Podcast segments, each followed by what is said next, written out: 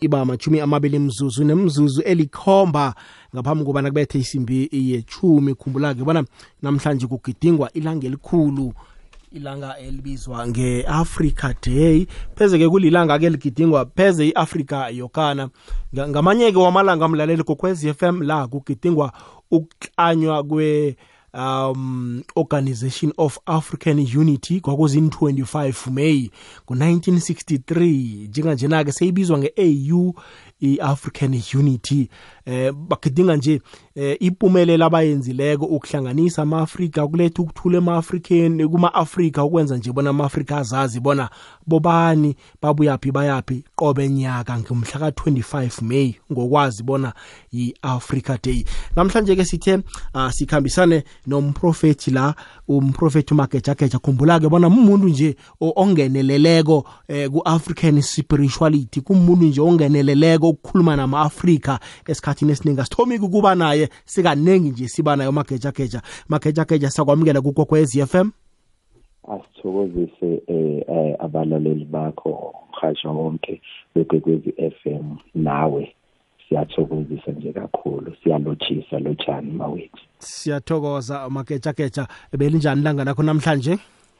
Belilihle kakhulu ilanga lami. Yazi-ke thina njengabantu be-african spirituality eh, we are up and down. Since ilanga le-africa kwi-africa day nathi we are trying by all means to restore i-africa ukuthi africa back to our roots. Awuzweke umagejageja ukuhambe njani kwamhlanga emvekeni ezipheleleko? Yo asithokozisa abantu. Eh ngicela ukuba buli ukuba bonga eh abantu bakwamhlanga abantu basempumalanga. In in particular abamameli bekwekwezi FM bafika abantu sahlala kwabamnandi ngakhuluma nabo bajabula abantu nami ngajabula. So siyabonga kakhulu kubo bonke abantu abaqhubekayo nokuba ama followers kaProphet Mageja Geja nambala siyathokoza kuleyo ndawo. Uh Mageja Geja akho sifake esihlokweni sethu sanamhlanje ukuba umAfrika sikhuluma ngani nasithi umuntu umAfrika? Sikhuluma ngecontinent nje kwaphela namkha ukuba umAfrika kusegazini lomuntu. Sikhulume nje nangekolelo yakhe umuntu amAfrika nje. Akusifake esihlokweni sethu namhlanje eh masikhuluma ngomAfrika sikhuluma ngomuntu o-independent eh ngokwakha ngokwestructure sikaNkuluNkulu ngomuntu ongadependile umuntu. iAfrica inezinto eziningi afice ama-westerns sivele sinazo. Ngizokwenza isibonelo iAfrica isikolo education ayifikanga nabamhlophe. iAfrica beyivele inendlela educate ngayo abantu bayo. Ngizokwenza isibonelo bengalambi imuntu eAfrica indlala beyingekho because abantu bebefundiswa ngendlela yokuziphilisa. Number 2 there was 0% crime. Why beyi-zero percent crime abantu bebefundiswa ngokuziphatha. Number three abantu bebengaguli because abantu bebefundiswa nge-healthy abantu bebekwazi ukuhlanganisa ngisho iy'hlahla baphilise abantu.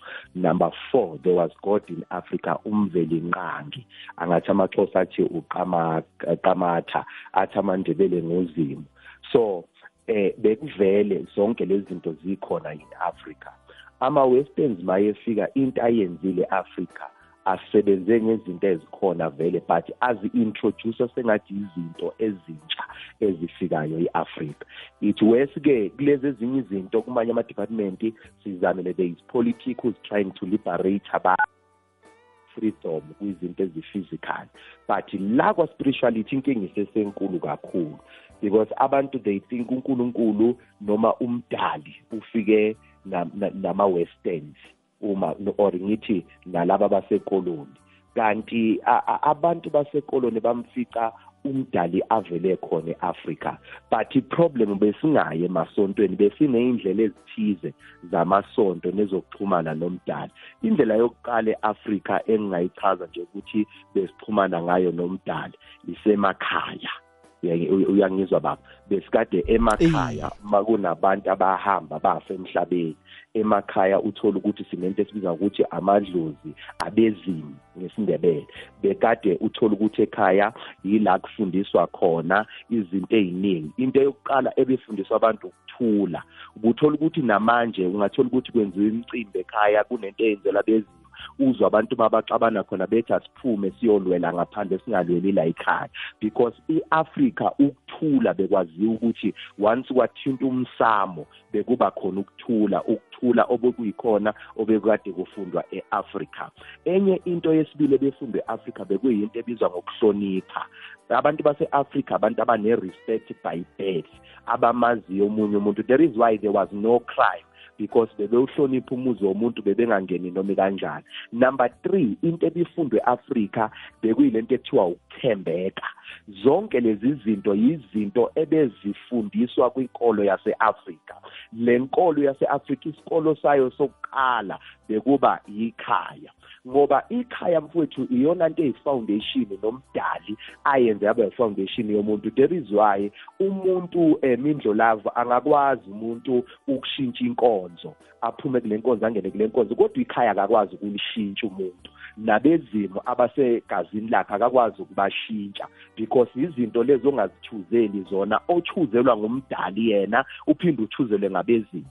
So lapha ke enkolweni yaseAfrika into ebihamba phambili bekuba ikhaya.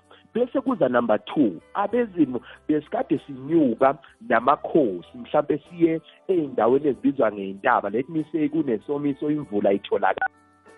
Kuhanjwa kuyohlangana entabeni kunyuka abantu abadala. Bese befika kube yibona abakhulekayo kuqamatha bakhuleke kumveli inqami entabeni besiya masiyocela kunesidingo esithize siya kusona siyocela. Bese kuthi number 3 ikolo yaseAfrika bekuyiwa emlanjeni emifuleni ngesinto sakithi ngesizulu sakithi. So bekuyiwa emlanjeni bekuyiwa kanjani emlonjeni? Kathiwa kushonelwe kuyahlanjulukwa kunethunzi elimnyama eliyogeza. Lento yokuya emlanjeni ayisiyintsha yinto ebihambisana nekolo yaseAfrika. Number 4 bekuba nezigodlo zamakhosi la kuhlangana khona amadoda azokhuluma ngama-issues abhekene nama-communities wethu. Bese kukhulekwa lapho esigodlweni kukhulekelwe lawo ma-issues abhekene nesizwe or else inkosi i-identifye indawo ethize la abantu abazohlangana khona bese kuyakhulekwa khona. Iyona ndlela-ke le eyayikade isetshenziswa before the colonizers came in africa. Ama-colonizers-ke mayefika e-afrika nansi into afika yenza afike ngama-wings awu-two eyokuqala i-christianity le dominate kakhulu kubantu abamnyama. Eyesibili lekuthiwa i-islamic angizogxila kakhulu kuyona le islamic because vele akuyona kakhulu eyacolonize abantu base-afrika. Le ebizwa ngokuthi mindlo love i-christianity. I-christianity mayifika mindlo love e-afrika ayifikanga kamnandi yafika kabuhlungu. Nansi into ebebekubamba kuyona uma ungafuni ukuthatha le nkolo yase-afrika. Ngo-1883 yithiwe uthola khona iy'ncwadi ezazibhalwa oking leopold the second from belgium. Babhala bezibhalela abantu ababebathume ukuthi bazoshumayela leli vangeli labo e-afrika. Babatshela ukuthi e-afrika abantu bakhona bayazi ngonkulunkulu kakhulu. Kodwa fanele nibenze abantu base-afrika bazi ukuthi yonke lento abanayo eyingcebo ayithi shu. Kunengceba abazoyithola uma sebefile ngale kwethuba nibenze bakholelwe kulento enizobatshela yona. Nansi into abafike bayenza ke nama-afrikaner introducer ngayo. Mangabe sebefika benze i-strategy sokuthi abantu ababe nento ebizwa ngodompas leli gama la dompas belikade libiza ukuthi isipasi seziwula zezilima zama-stupid. So leli lamapasi ukuthi uma uyolenza kube nefomu oligcwalisayo. Le fomu oyigcwalisayo ibinendawo edemand ukuthi iba negama kuthiwa hey your christian name. Kufanele ube negama. So kuyaphoqa ukuthi wena abide kule christianity because ukuze ube ne-id uzodinga ukuba negama oluzolithola enkonzweni bese uyobhalwa ngalo laphaya. Number 2 bafika batshontsha bathatha umhlaba ngenkani bakhanda amasonto kulomhlaba ama-missionaries. Bese kuthi labantu abahleli ngaphansi kwalomhlaba bese kuthiwa uma ungayi kuleli sonto uzophoqeleka ukuthi umuzi wakho udilize uhambe la. Abantu-ke besaba ukudilizelwa imizi bebephoqeleka ukuthi baye kuleli sonto. Leli gama elithi sonto lisho ukuphendulwa ukuthi uthi ubhekele uphendulwe ngenkani ubhekwe ngala. So-ke bekuthi emhlabeni wabantu vele kusho ukuthi sekuwumhlaba wenkonzo lo ukuze ukwazi ukuthi uphile kulo mhlaba fanele ube yimemba yale nkonzo. Bakhona ke nabazidecidela bona ngoba bethanda. Ukuthi bangene ngaphansi kwalenkolo because esinye istrategy le-christianity bekuba ngathi umuntu uphucuzekile. Kube ngathi uyiqaba wena ufundanga wazi ukuthi usele ey'ntweni uma ungafuni ukuthatha ukuqhubeka uma ungafuni ukungena kule nkolo christianity uqhubeke nale nkolo yase-afrika. So le nkolo-ke yase-afrika iyona nkolo ebi-very powerful eyayikhona nesekhona namanje but into eyenziwa ukuthi ukuthi uma usaqhubeka nale nkolo yase-afrika kube ngathi wena ingqondo yakho awusebenzi ayisebenzi kahle. Ba-introduce-a ke uhlobo lwama-classes wey'ngane bezifundiswa from sunday school. Bezibamba yisey'ncane zithi izikhula zazilolu uhlobo lwe-christianity. Le nkolo yasekhaya yafa kanjalo-ke ebikade ichumanisa izimo ebikade yenza abantu beye ey'godlweni zamakhosi barespect amakhosi ebikade yenza abantu baye ey'ntabeni konomkhubulwane bayocela imvula uma imvula ingasabi khona ebikade ifundisa iguguzela lezi zinto ezitholakala kumuntu ongum-afrika ezibizwa ngokuthula. Abantu base-afrika babengalwi njengoba belwa and njengoba ngishilo ngathi there was a zero crime e, i-percentage yobugebengu beyingekho ngoba beyikade le nkolo yobu-afrika ivusa lento ekuthiwa i-spirit of ubuntu besikade sinobuntu ubengadli umindlo live umagejageja engadlanga bingakho amasime bengabiyiwe ukuze kuthi uma uzonana ungalokhu uvulelwa igate kuvele kuthiwa hamba uyokha ikhwebu lapha uyophekela abantwana uphinde unikezwe nawe okokotshala ngoba bekade kunokuthula. Number two bekade kunekuhlonipha ngokwekolo yase-afrika. Number three bekhona ukuthembeka. Iy'nkomo zabantu bezingalahleki ngoba abantu bebethembekile. Yini ebika abantu they used to believe in their root in african spirituality. Ya-uprootwa-ke le nto abantu baqala-ke basala bale izinto abayizona namhlanje. Nge-africa day yilokho esifuna ukukukhumbuza abantu about the power of african spirituality religion. Hmm. ya kuyazwakala amagejageja uveze indaba ekhulukazi la ukubana ama-afrika bekanamandla wokuyokubawa izulu Hmm. nababuye entabeni izulu lubalandele beline. Exactly besiliba phela ngisho one hour. But namhlanje ama-afrika athandaza imithandazo engaphendulwa because athandaza out of e-african spirituality. Ngiyakuvuma. Makhetshakhetha ake ngibuze la. Yes ikolo yethu sima-afrika siyihlanganisa njani nomveliqangi nozimu. Uzimu uconnecta njani nathi ama-afrika ekolweni yethu? Angazi layini wethu wenze njani ah uyazwakala magejageja? Okay. Ngiyabona uyangilahlekela magejageja. Em akhe ngiyomzuma. Ngibone bona ngiyabuya naye na. Sivula ngobani veke? Hello. Kujona. khona kunjani? Yini ukudlalela ngumgcibele mani igama elidile lebhela ya. Hawu ngikasasebenzisa vele. Awu amsana. Awu amsana. yokubhala futhi yazwa. Isongibiza ngumsanakuyakosasihlangana ekosini apho or okodwa apho udelele ebungawenzani uzuthi ukuhambe endlela napho udelele yabo njengotira ngithi chikichikichikcha nami ke nangena estage yenu kwenza ngidilele so siyazwana mzolilisa. Ah awa angililisi kuthi hayi nje nayibhala efonini vele hayi azilile mfo. Ngazi yokulila kuhle uze kulila ngibanyana azilile. Ku-arvula ibuya nawe. 3 to 6 no dj alvuna sima Afrika ngemvelo. Sima Afrika ngegido lethu. Sima Afrika ngemvunulo yethu. Sima Afrika ngemilambo indaba amahlathi imnyila imbandana namanzi. Sima Afrika ngelimi lethu namasiko wethu. #nakupenda Afrika. Inambala ligwekwez FM kukhanya ba ngibuya naye umageja mageja ngikuzwile la umbuzo wami ngaphambi kobana eh, inetwork isibethe. Eh, bengibuza oh. bona sima-afrika thina umveli kangi eh, uzimu siconnecta njani naye? Naye uconnecta njani nathi? Alright thina ma-afrika umvelikangi noma ngithi uzimo besivele sine connection naye. Through lezi zinto engizibalile ngathi ikhaya mangabe ekhaya kukhulunywa nabezimu bekuthiwa nifike ni- nihambe niye kuzimu. Nintshele ukuthi sicela ukuthi nokuthi besivele sicela ku- kuzimu kodwa besisebenzisa abezimu njenge-connection a-point of contact abantu abasisizayo ngoba bona sebengale kwele mimoya. Baxhumana kangcono kunomdali abasenawo ama-limitations because thina siyafana nabantu abangasekho laba ababizwa ngabezimu. I-difference yethu thina we still own the body we are still trapped in the body.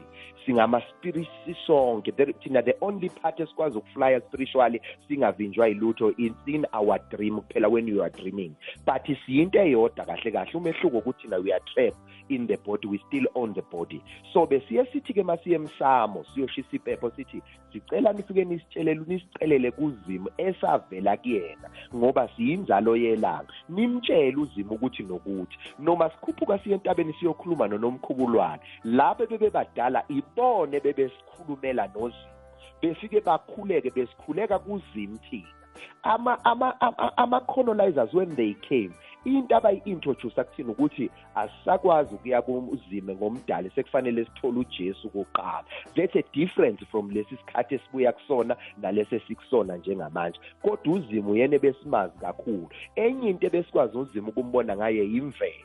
Ngoba thina besikholela ukuthi yonke into ekhona ivele kuzimu.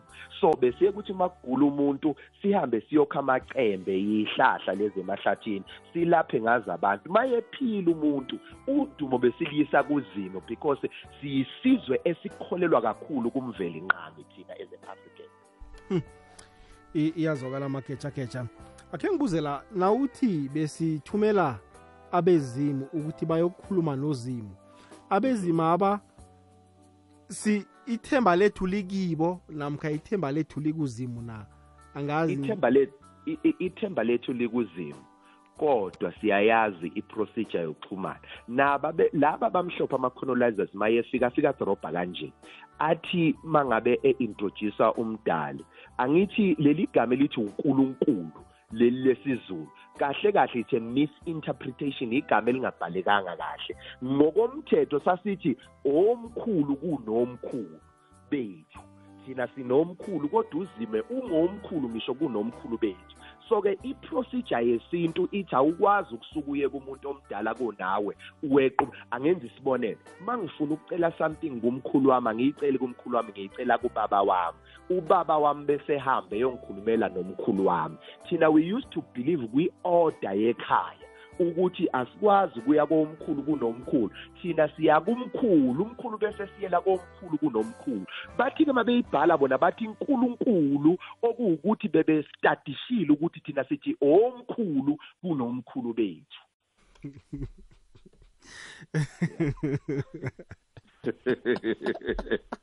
so injalo mindlo lapho no ngiyakuzwa mageja ithemba lethu likumveli nqangi kodwa futhi siyayazi i-order yekhaya ukuthi ikhaya awukwazi ukucala kumuntu omdala ungadlulanga kulaba abanye ofanele udlule kubona abadala kunawe. Njengoba nasekhaya bekuthi makuhamba ubaba bekungasuki noma ubani emsamo bekusuka inkosana kababa lona omdala onikezwe lelo lungelo kube uyena oseyamsamo on behalf of the whole family.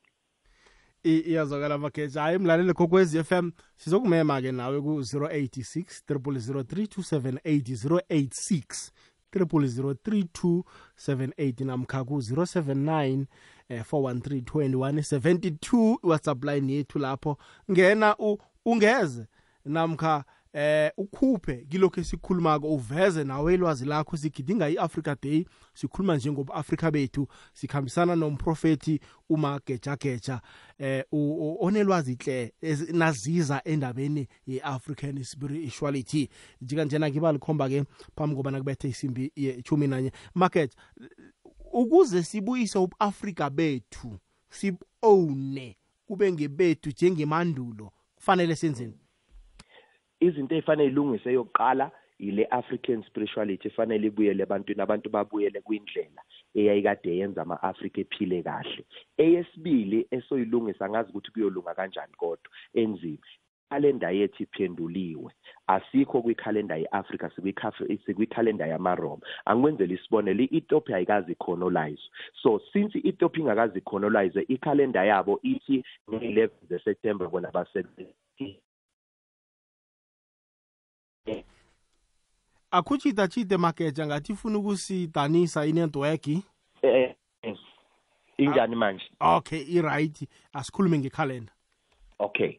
So le calendar yase Ethiopia since ingakazi colonize Ethiopia mayicelebrate iChristmas ba-celebrate iHappy New Year. Basasebenzisa i11 zaSeptember nabo due to political reason. Kahle kahle yi23 from i21 22 23 thina sisebenzisa uDecember kithina is an African uDecember usisebenzeli ngesizulu sithi uzibandlela. Why sithi uzibandlela? Uzibandlela yila zonke inhla izihlahla zimilile khona izindlela zivalekile zingabonakali. So asikwazi nje ukuqala unyaka omusha zibe indlela zingabonakali siwela kanjani uya kulonyaka olandelayo.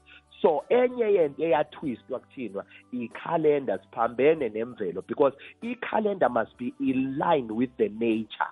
Kufanele kuhambisane. Ngenza isibonelo i-happy new year yama-china they celebrate it from in the middle of January to in the middle of February. That's why beprosperisha ngoba bahamba ngokwekhalenda yabo. Thina sisaphethe le calendar yokucolonizwa so vele si against imvelo yase-Africa ukuthi operator kanjani si against iweather yase-Africa thina lithi lishona ilanga thina sithi liyaphuma lithi liphuma sithi liyashona. Makufanele sibonge thina siyacela makufanele sicele thina siyabonga. There is why izinto zethu as an African zibonakala zislow baze bathi si lazy as an African kanti into esenza sibe lazy we are against seasons.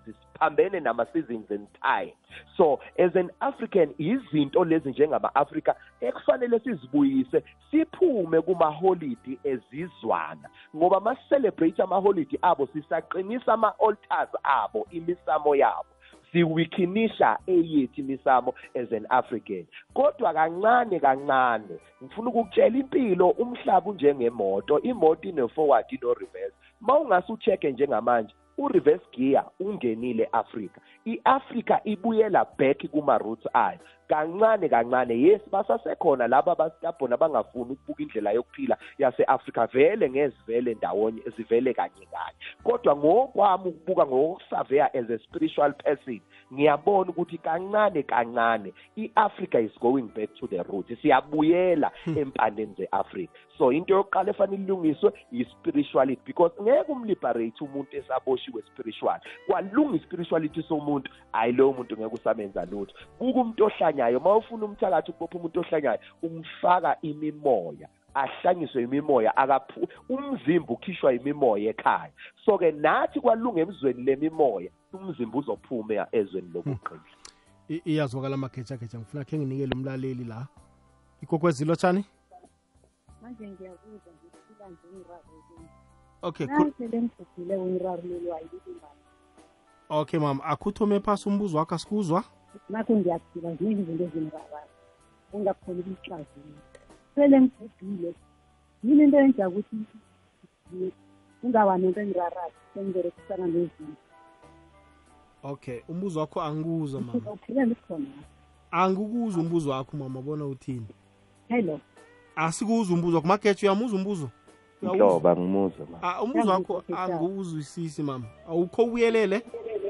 Wu, ngithi mina ngakho ngiyaphila. Ziningi izinto ezingirarayo ukuthi sele ngibhubhile. Nangikhona ukuberegisana nezinto njani? Ngiberegisana njani? Okay ngi- bangithuma njani? Sengifike nini ngale ngoba kune lisilinde ilanga lokugadwa oh ngamanye amagama uthi sele ubhubhile. Ba- bakuthuma bakuthuma njani ukuya kumveli kangi iye usho njalo. Iye okay lokho. mageja Mhm. Okay, umuntu asiqale lamendla umuntu akafi.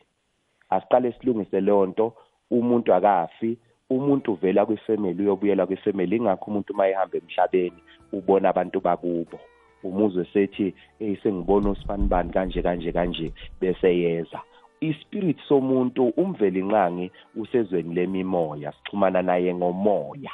Ukuthi kanjani that's a mystery of god imfihlakalo kaNkuluNkulu ukuxhumana nomvelinqangi. Angenza isibonelo thina njengabaprofeti sisesemzimbeni kodwa siyakwazi ukuxhumana nomvelinqangi. I can hear from god ukuthi uNkulunkulu uyakhuluma njengamanje not through the book. Hayi hayi ngencwadi ebhalwe phansi. Kwesinye isikhathi umvelinqangi ukhuluma nangama signs ubonisa akubonisa isayini ethize kwenzeka into ethize kanti ivoice kamvelinqangi uyakhuluma kudinga ukuthi-ke lokho thola i-growth kwi-spirituality kulowo muntu owuthisha wakho we-spirituality akufundise ukuthi how do you hear the voice of god? But automatically when god speak you can recognize ukuthi this is not a human being this is god.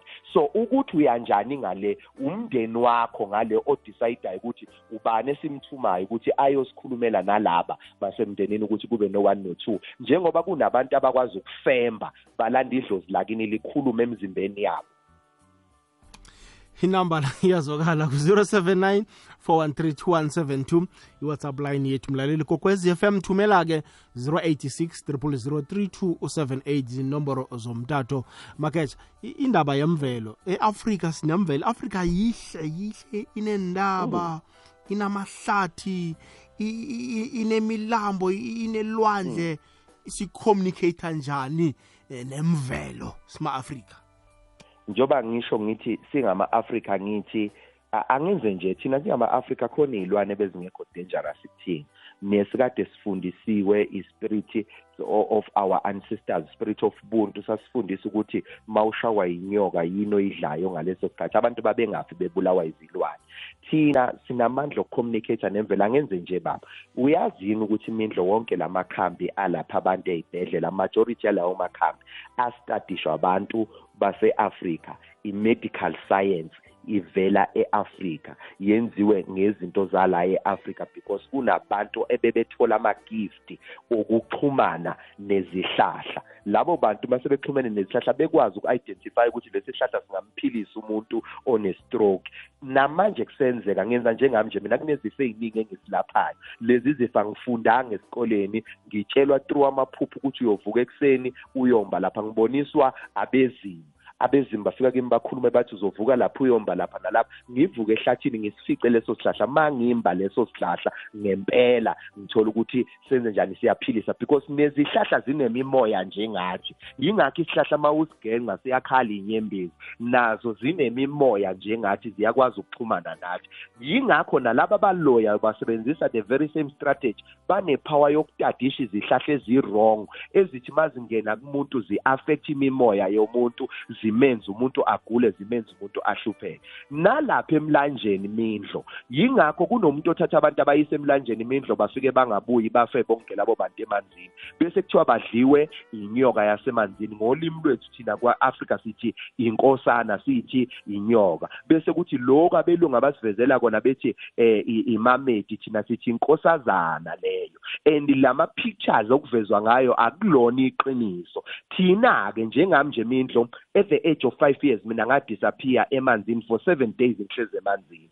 So ngayifundi mystery akukhulunywa zonke izinto esemanzini. Kodwa ngayifundi mystery mangiyisa abantu emanzini kuyenzeka bengakutshela abasenkonzweni yami nginquma idate ngithi siye emanzini. Ngibuye ngishintshe ngoba ngithe mangiyocela lapha emanzini ngafike ngangavunyelwa abaphathi bamanzi so-ke yonke lento kukhona ama-gift iziphiwo esikwazi ukuxhumana ngazo nazo lezi zinto. Kodwa kusho ukuthi zimamela thina kuphela. Wonke umuntu uyakwazi ukukhuluma nalezi zinto zimmamele mina.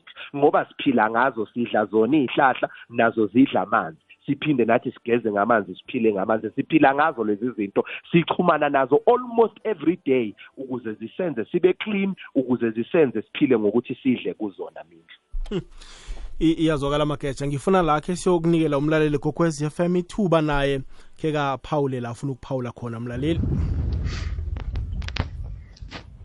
Hello Jam Indlelevu. Eh Mindlelevu ngingemedlibheka ngithome lapho. Eh Mindlelevu ngiyajabula mina ukuzwa isithekelo esikhuluma into ezifana nalezi emhathweni kodwa ngibuye ngibe buhlungu ngoba yena kusebusuku bantu abaningi balele. Mindlolavu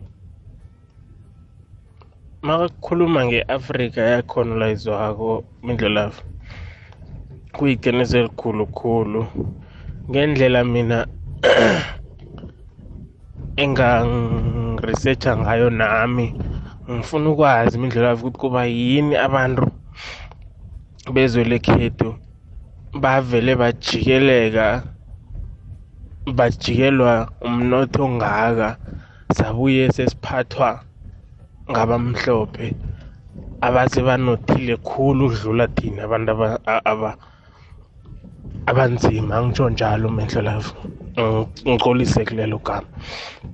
Kodwana ngakuthola lokhu baba kuchazako nami into engayitholako mendlo lavu ukuthi ubaba angikhumbuze la ukuthi kuna this crew eyathunyelwa e-Africa to check ukuthi abantu abantu be-Afrika baphila njani benzani bakholelwa kuphi. The first thing ebayenza is to change inkolelo yabantu kulokhu ebakholela kikho okubahelebhako ukuthi abomkhulu noma la sikholelwa khona basijikele ukuze bakhone ukuthi bangene kithi. Ngibawa ubaba akangichazele kuleyo ndawo ukuthi kwenzakalani abobani ngasiphi isikhathi. Ngibawa net lapho angazi noma ngathola leyo mhlambe research neti anginalwazi kuhle lapho ukuthi bekubobani ngasiphi isikhathi kwenzakalani? Iyazokala kuleyo ndawo. Hayi ungasabi mlaleli. Kokwez FM i-technology ithuthukile abalaleli abangakalaleli bazokuthola i-podcast kusasa bakhona ukuzilalelela ngesikhathi sabo. Asimphendule makeja. Ya ngicabanga ukuthi ukufika kwabo okokuqala bezodatisha lezinto kwakuwo-1843 kodwa la umonakalo waqala khona kakhulu njengoba ngisho ukuthi incwadi yayibhalwe uking leopard eh the second njengoba ngishilo waseBelgium. La athi bayibathuma khona ngenkolo yobuKristu wabafundisa ukuthi ngicabanga ukuthi babethunyelwe ezweni laseKhonga bafikela kulona eAfrika.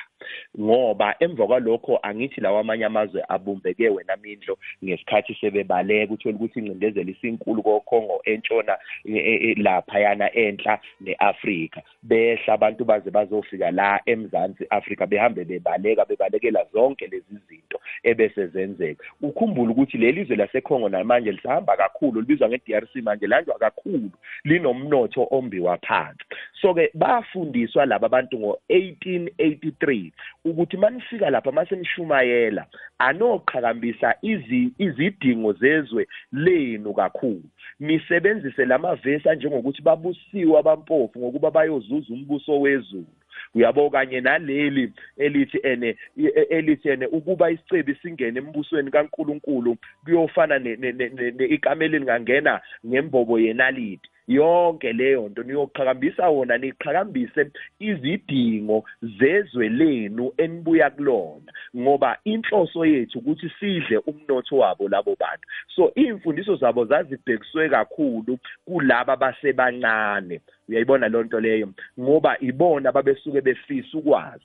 So-ke into ababeyenza babephikisana nalo lonke ulwazi lwase-afrika olwalukade lufundiswa. Njengoba bengichazile emindlu ukuthi even iy'kole beyivele imfundo ikhona e-afrika ayifikanga nabo. Into abayenza bona ukuthi bayiqhoqhobale kube yibona abahleli ngasenhla ukuze baguqule izinto. So le nto-ke ithi mayifika ngempela ukushumayela kwabo kwabhekisa iy'dingo ekuthini thina sibanikeze lezi zinto sibanikeze izingcebo ngoba iyinto eyosala emathuneni amaguga lelizwe yosala emathuneni saqala izinto ezinjalo safakwa lowo mqondo saze safakwa namaculo. Okuwukuthi namanje mawungathatha icilongo leli liculo emasontweni wethu abantu nelaba lifane lethu liyabalisa. Ngingumfokazi lapha emhlabeni ngifuna izulu ikhaya lami. Elabo likhuluma ngo amazing grace how sweet uyabo you are. Lento into abayenza behlose ukuthatha umcebo waseAfrika. Hayi ke bathi mabesifaka besiphambanisa thina njengama-Afrika ukuthi inkolo yethu ingabe isabheka la kwi-African spirituality ibheke kulokho abakushoyo. Baba a- a- a- wa- u- asikho isihlahla esikwazi ukuba nama-fruit uma ama-root wakhona e-damage. So they damage our fruit our fruit is our spirituality ngoba isihlahla simi our root njalo. I- isihlahla simi ngama-root ama-root awabonakali kubonakala istem. Thina njengama-afrika sinjengesihlahla sibhalanse kakhulu kuma-root wethu ongabezimu bethu. Kodwa sibonakala si-strong ngaphandle. Uma ufuna ukusibulala yiya lapha kuma-root so kuma-root laba sidisiva khona-ke la umonakalo waqala khona waba mkhulu-ke manje ngo-1883 la sebethumela khona ama-missionaries baqala namasonto-ke. Ya iye- iyazwakala amageja. Ku-086 3278 naku-079 413 iba lithoba ngaphambi nga- namkha ngemva kwesimbi yechumi nanye. Lihlelo sizigedlile sigidinga i-africa day. Sima afrika ngemvelo sima afrika ngegido lethu sima afrika ngemvunulo yethu sima afrika ngemilambo indaba amahlathi imila imbandana namanzi sima afrika ngelimi lethu namasiko wethu. Hashtag nakupenda afrika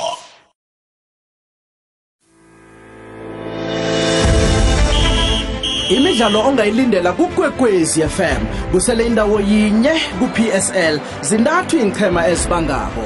Ngosondo mhla ka-28 kumeyi kuputaputana i-casrick stars ne-cape town spurs esolomon mahlango stadium kwamhlanga kwandebele. Ngomhlaka-31 kumeyi imarisburg ibambana ne-casrick stars eherikwala stadium kwazulu natal ngomhlaka-3 kumgwengweni i-cape town spurs ibambana ne-casrick stars eperow park kuzokutshisa phasi mhla ka-7 kumgwengweni i-casrick stars nayibambana ne-marisburg united esolomon mahlango stadium kwamhlanga. Ngomhla ka-10 mdlalo wokugcina eherigwala stadium. I-marisburg united ibambana nesiqhema se-cape town spurs. Imidlalo le uyilethelwa ngokuzikhakhazisa yi-sabc sport. Hashtag we love it here. Uzoyizwa bunqopha. For the love of the game, of the game. Alright le igogwez fm kukhanya ba khe sizwe umlaleli bona ubeka uthini. Akwande imindlela ngimuzwa kuhle ubaba lona. Into akayikhulumako uma ngabe awusebenzi ngabezimu angeke umuzwe kodwa uma ubakhonza bezimu uzomuzwa ubaba lokuthi uthini ngoba uma uthatha ukuthi abantu abalele bafile angeke umuzwe kodwa uma uthatha ukuthi abantu abalele balele yes ngoba abasekho la emhlabeni kodwa uma sikhuluma nabo bayazizwa. Uyezwakala ngikuzwa kahle. Uma ngabe uyileya muntu lo obuya le ekudaleni emvelweni njengoba ichaza uzomuzwa kahle kodwa uma umuntu omusha kunekhonakalo lokuthi ungahlala ungamuzwa. Thanki ngindlela bye siyathokoza kileyo ndawo khe sizwe omunye umlaleli la. Usesekhona maketha ngikhona ba. Awuzweka siza umlaleli? Midlolavu kunjani? Ngiyaphila. Yebo ana wasetsakani.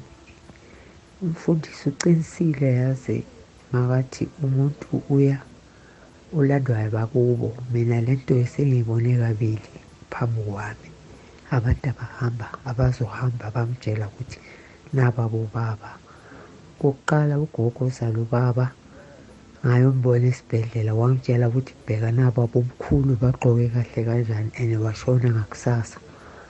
Wesibili udadewethu ongilamayo ngihlele naye kanje amtshela ukuthi ubone ubaba nomama and sebalala labantu. Bebameminyango and washona ngalelo langa ucinisile umfundisi lapho yazi ezinye izinto yazi kumele sibozilalela yazi. Umuntu akayi kuyaya kunkulunkulu but mina ngibonile ukuthi umuntu uyakuba waba kubo. Ngiyabonga. Amen mfundisi. Siyathokoza kuleyo ndawo. Khe sizwe la? Eh mindlo lava lesihambeli sakho baba Mageja. Eh ngiyabonga kakhulu baba Mageja. Iqiniso olikhulumayo liyaphila likhona ngiyalibona mina. Eh nginesicelo baba Mageja ukuthi ihloko enjengalezi azingagcini ukuthi nikhulumise ngalesikhathi sokubungaza i- i- i- i-Afrika mina ngathanda ihloja ngalezi zi- zihlala ihlala ikhulunywa ihlala ihlala ikhulunywa kwenzela ukuthi lento izongena kubantu izongena kuma-Afrika izongena emthanjeni wama-Afrika abantu babuyele ebhandeni zabo. Usakho wavilakazi eMayflower. Angibonge mageja nawe mindlo lafu. Siyathokoza vilakazi kuleyo ndawo mageja ungathini ekuphawulwe mlaleli kokwezi? Eh mfowethu siyabonga ukuthi abantu bakithi njengoba ngishilo ngathi i-reverse gear ungenile i-Africa kuyela back. Because enye yento mindle kofanele siyilungise ngelinye ilanga yiyo le yabefundisi. Because labefundisi they came as a colonizers. In a way uking leopard mayibabhalela incwadi uthi kubo anobafundisa abantu base-afrika ukuthi abefundisi bona abangobaba bemphefumulo yabo ukuze bevukele izimfundiso zabazali babo emakhaya. Uma nibafundisa besebancane bayoyeka ukukholelwa emfundisweni zoyise nonina banamathele kulokho enikufundisa khona. Why? Yenzelwani lento ukubulala istructure esibizwa ngokuthi ikhaya. Yemindlo lavo you know ukuthi bangaka abantu abakhipha imali zama-pledge kwakhiwa amasonto kodwa emzini yakubo makufuneka imali yokwakha indlu kagogo ngasenhle angakhuluma umlomo uzube ngaka. Why? Because le system vele yamasonto siyisebenzisa to restore ama-african party the honest truth iyona system eyalimaza abantu abamnyama. Njengoba until today ungezwa befundisi belwa kangaka amakhulunywa ne-african spirituality hhayi ngoba belwa ngoba bebhizi nemphefumulo yamuntu yingoba balwela isinkwa sabo lento seyiyibhizinisi. Abantu bacindezelwa ngayo emasontweni ukuze banonophalise bacebise umuntu oyedwa obizwa ngokuthi umfundisi. Naye angakhweshonwa muntu ngoba uyasatshwa kwaziwa ukuthi hhayi uyena olinda imphefumulo uyena owubaba wemphefumulo. Kanti ubaba wemphefumulo ngumveli inqangi thina njengabefundisa abantu sifana nabantu ababathwasisayo sibadlisa ukhamba. Okuthi mase kufanele baqedile babuyele emakhaya ngoba nalolu khamba luthandwe ama- abezimu babo fanele badle impande babuyele beyokwakha amakhaya. Be- hhayi ukuthi bakhe isonto beyokwakha amakhaya. Ngoba ipurpose kaNkuluNkulu yokudala abantu ubalethe emakhaya. Fanele abantu baqinise amakhaya bakhe amakhaya. Hhayi amasonto hhayi ukuthi bondla befundisa abazali belambile emakhaya. I- i- iyazwakala mageja 086 0003278 izumlaleli kokwezi lotshani ikwekwezi yebo. Kunjani baba? Ngiyaphila umakhopha kanyandeni lokhuluma siyathokoza. Mm, ah ngibingelele kumprofethi wami baba magejageja baba umakhosonto eh cha. Hey le ndaba i- i- i- inhle kimi futhi ngiyayithanda yazi engingathayisela kukho mina njengami khumbula nje ngikhula ngisesemncane. Endaweni yakithi lapha kwanongoma bekunenye intaba obekuthiwa ukwalizwami igama layo. Leyo ntaba leyo ibiphezulu bekuthi njalo baba nomama bendawo mabeyocela imvulo sebecele khona kubekwa amatshe laphezulu rawundi ngathi limiza kwagogo. Ubaba kuthiwa bahlala ngapho omama bahlala ngapha kuthandaze kucelwa imvula. Uthi uyahamba lapha entabeni uthi uthi kunendawo enamatshe sesajwayela ukuthi njalo uma udlula lapho uphositshe khona uthi uthi ngicela iy'nhlahla manje mase ngiyabuka manje ayisekho yonke leyo nto ngenxa yani yalesi kuthi sashiya okungokwethu sathatha okungesikho. Sesiphendukela sho ziy'ngane zethu zikutshela ukuthi uma uthi wenza umsebenzi ekhaya zithi hhayi leyo nto ingamadimoni. Sengiyabona uba magajageja uma yechaza le nto ukuthi inkinga iqala lapho esontweni ukuthi esontweni kushintshwe inkolo yasekhaya bese kuthiwa umuntu ungayilandeli inkolo yakini. Kodwa ekugcineni lo muntu uma ehamba emhlabeni nawe fundisi bayahlehla sekusele wena la ekhaya ahlezi yena azoqhubeka ngendlela yakhe. Angibonge basakala. Siyabonga siyathokoza nyandeni kuleyo ndawo. Hayi mageja sisebenzele ukuyivala. Ungathini ngombono bekwe ngunyandeni? Unya- uqinisile baba. Isonto maliphamba uyabo le system?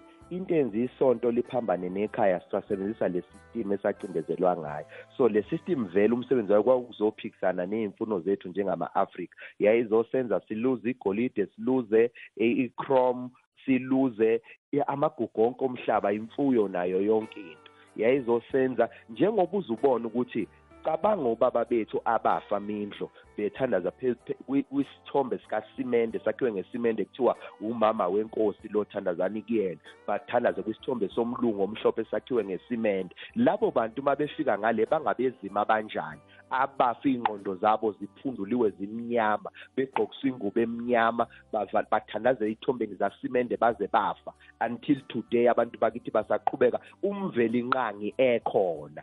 Simnyama sikho isithombe somuntu omnyama ekuthiwa sithandaze kusona sidelela amakhosi o- eh, sidelela istructure sonke sethu njengabantu abamnyama. Ngizothi kubantu abamnyama ayibuyele emasisweni ma-afrika ake sakhe amakhaya ma-afrika. Ake siyeke ukwakha amasonto ngoba kusasa labefundisi sozwa kuthiwa sebebalekile ney'mali ey'ngaka sisale thina sihlupheka amakhaya ethu abhidlikile awakhiwa kanti sibhizi sigijimisa amasonto. Amasonto ngicela laba abawoza kwethu ababafundisi ake sakhe abantu sibakhele emakhaya ngoba unkulunkulu udala umuntu wamlethela ekhaya. Akekho umuntu ozalelwe enkonzweni abantu akubona bethu abantu abemindeni. Ake siyeke ngisho ney'profetho lezi eziqhatha imindeni ake siyeke nezintshumayelo lezi eziqhatha imindeni izondane yodwa. Ake sakhe umuntu sibuyise ispirithi sobuntu. Njengoba si-overseer phezu kwey'mpilo zabantu asikhumbule ukuthi abantu mindlo ngesi-afrika ngesintu sethu abantu babuya emakhaya. Ake sakhe emakhaya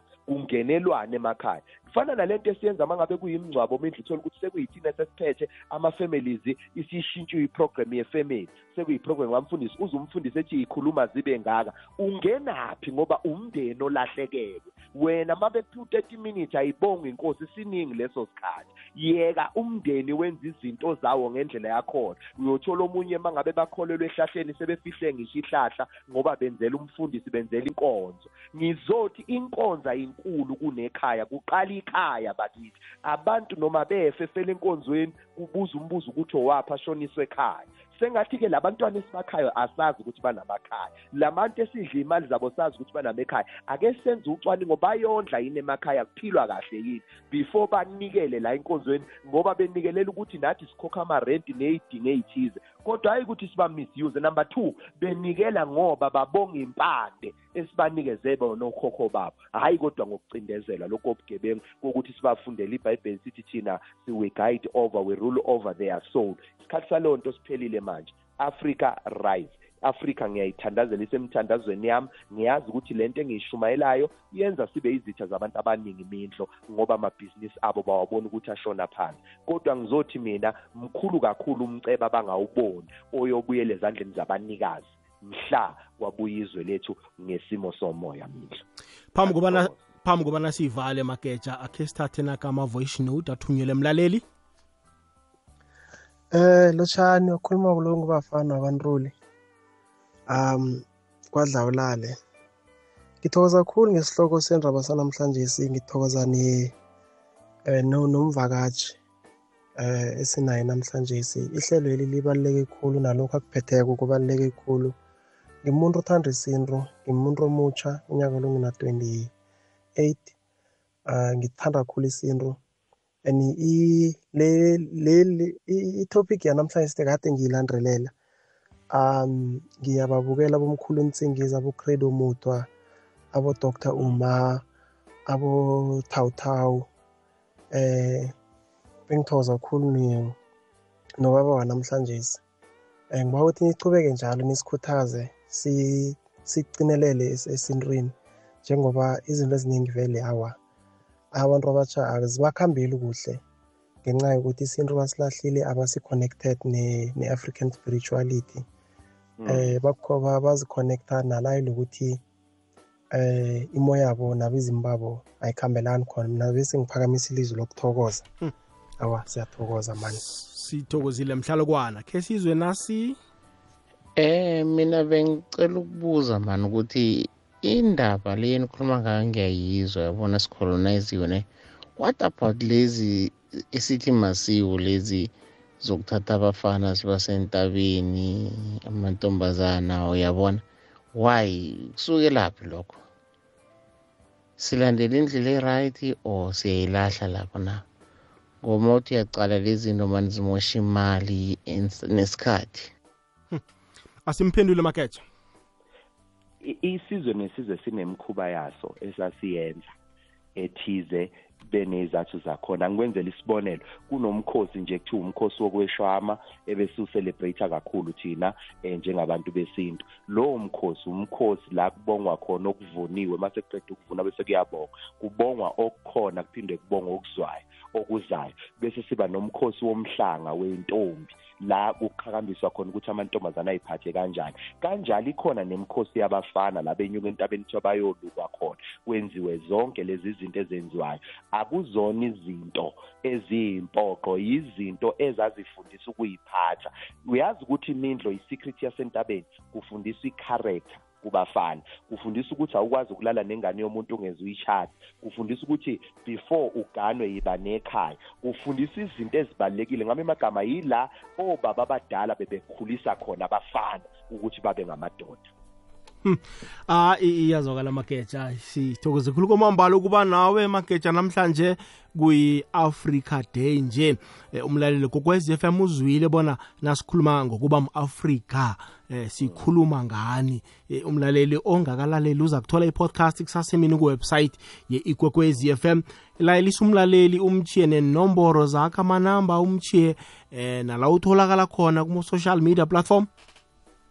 Ngiyabonga kakhulu ukuthi mindlo nihleli ningenza isithekeli ngelanga elikhulu kangaka ukuthi ngibe isithekeli somhatsho ikwekwezi FM yes ngashaya isindebele ya abantu abantu bangamthola prophet mageja geja kwi-facebook page ebhalwe prophet mageja geja eh, ngicabanga ukuthi nabantu aba-about 80000 following eh, lapho bazothola bamageja geja baqaphele maningi ama-page azenza ubaba mageja geja uzolibona ngani? Mali kufuna imali akuyena umprofethi mageja geja ngisho ngabe kuthiwa ufonile wanika inamba kwathi ufuna ukubona umprofethi make kwathiwa faka imali efonini faka imali esitolo esithize noma ebhenki baleka kakhulu. Ngisho kwi-tv yami angiyifuni imali kubantu baleka kakhulu.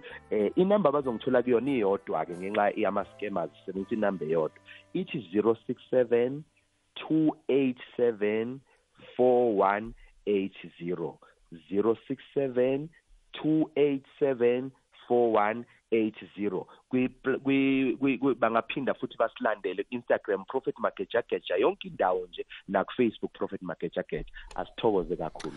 Sithokozile magejageja. Thokoza awuzeke. Prophet magejageja sigidinga ilanga elikhulukazi ilanga le-africa day.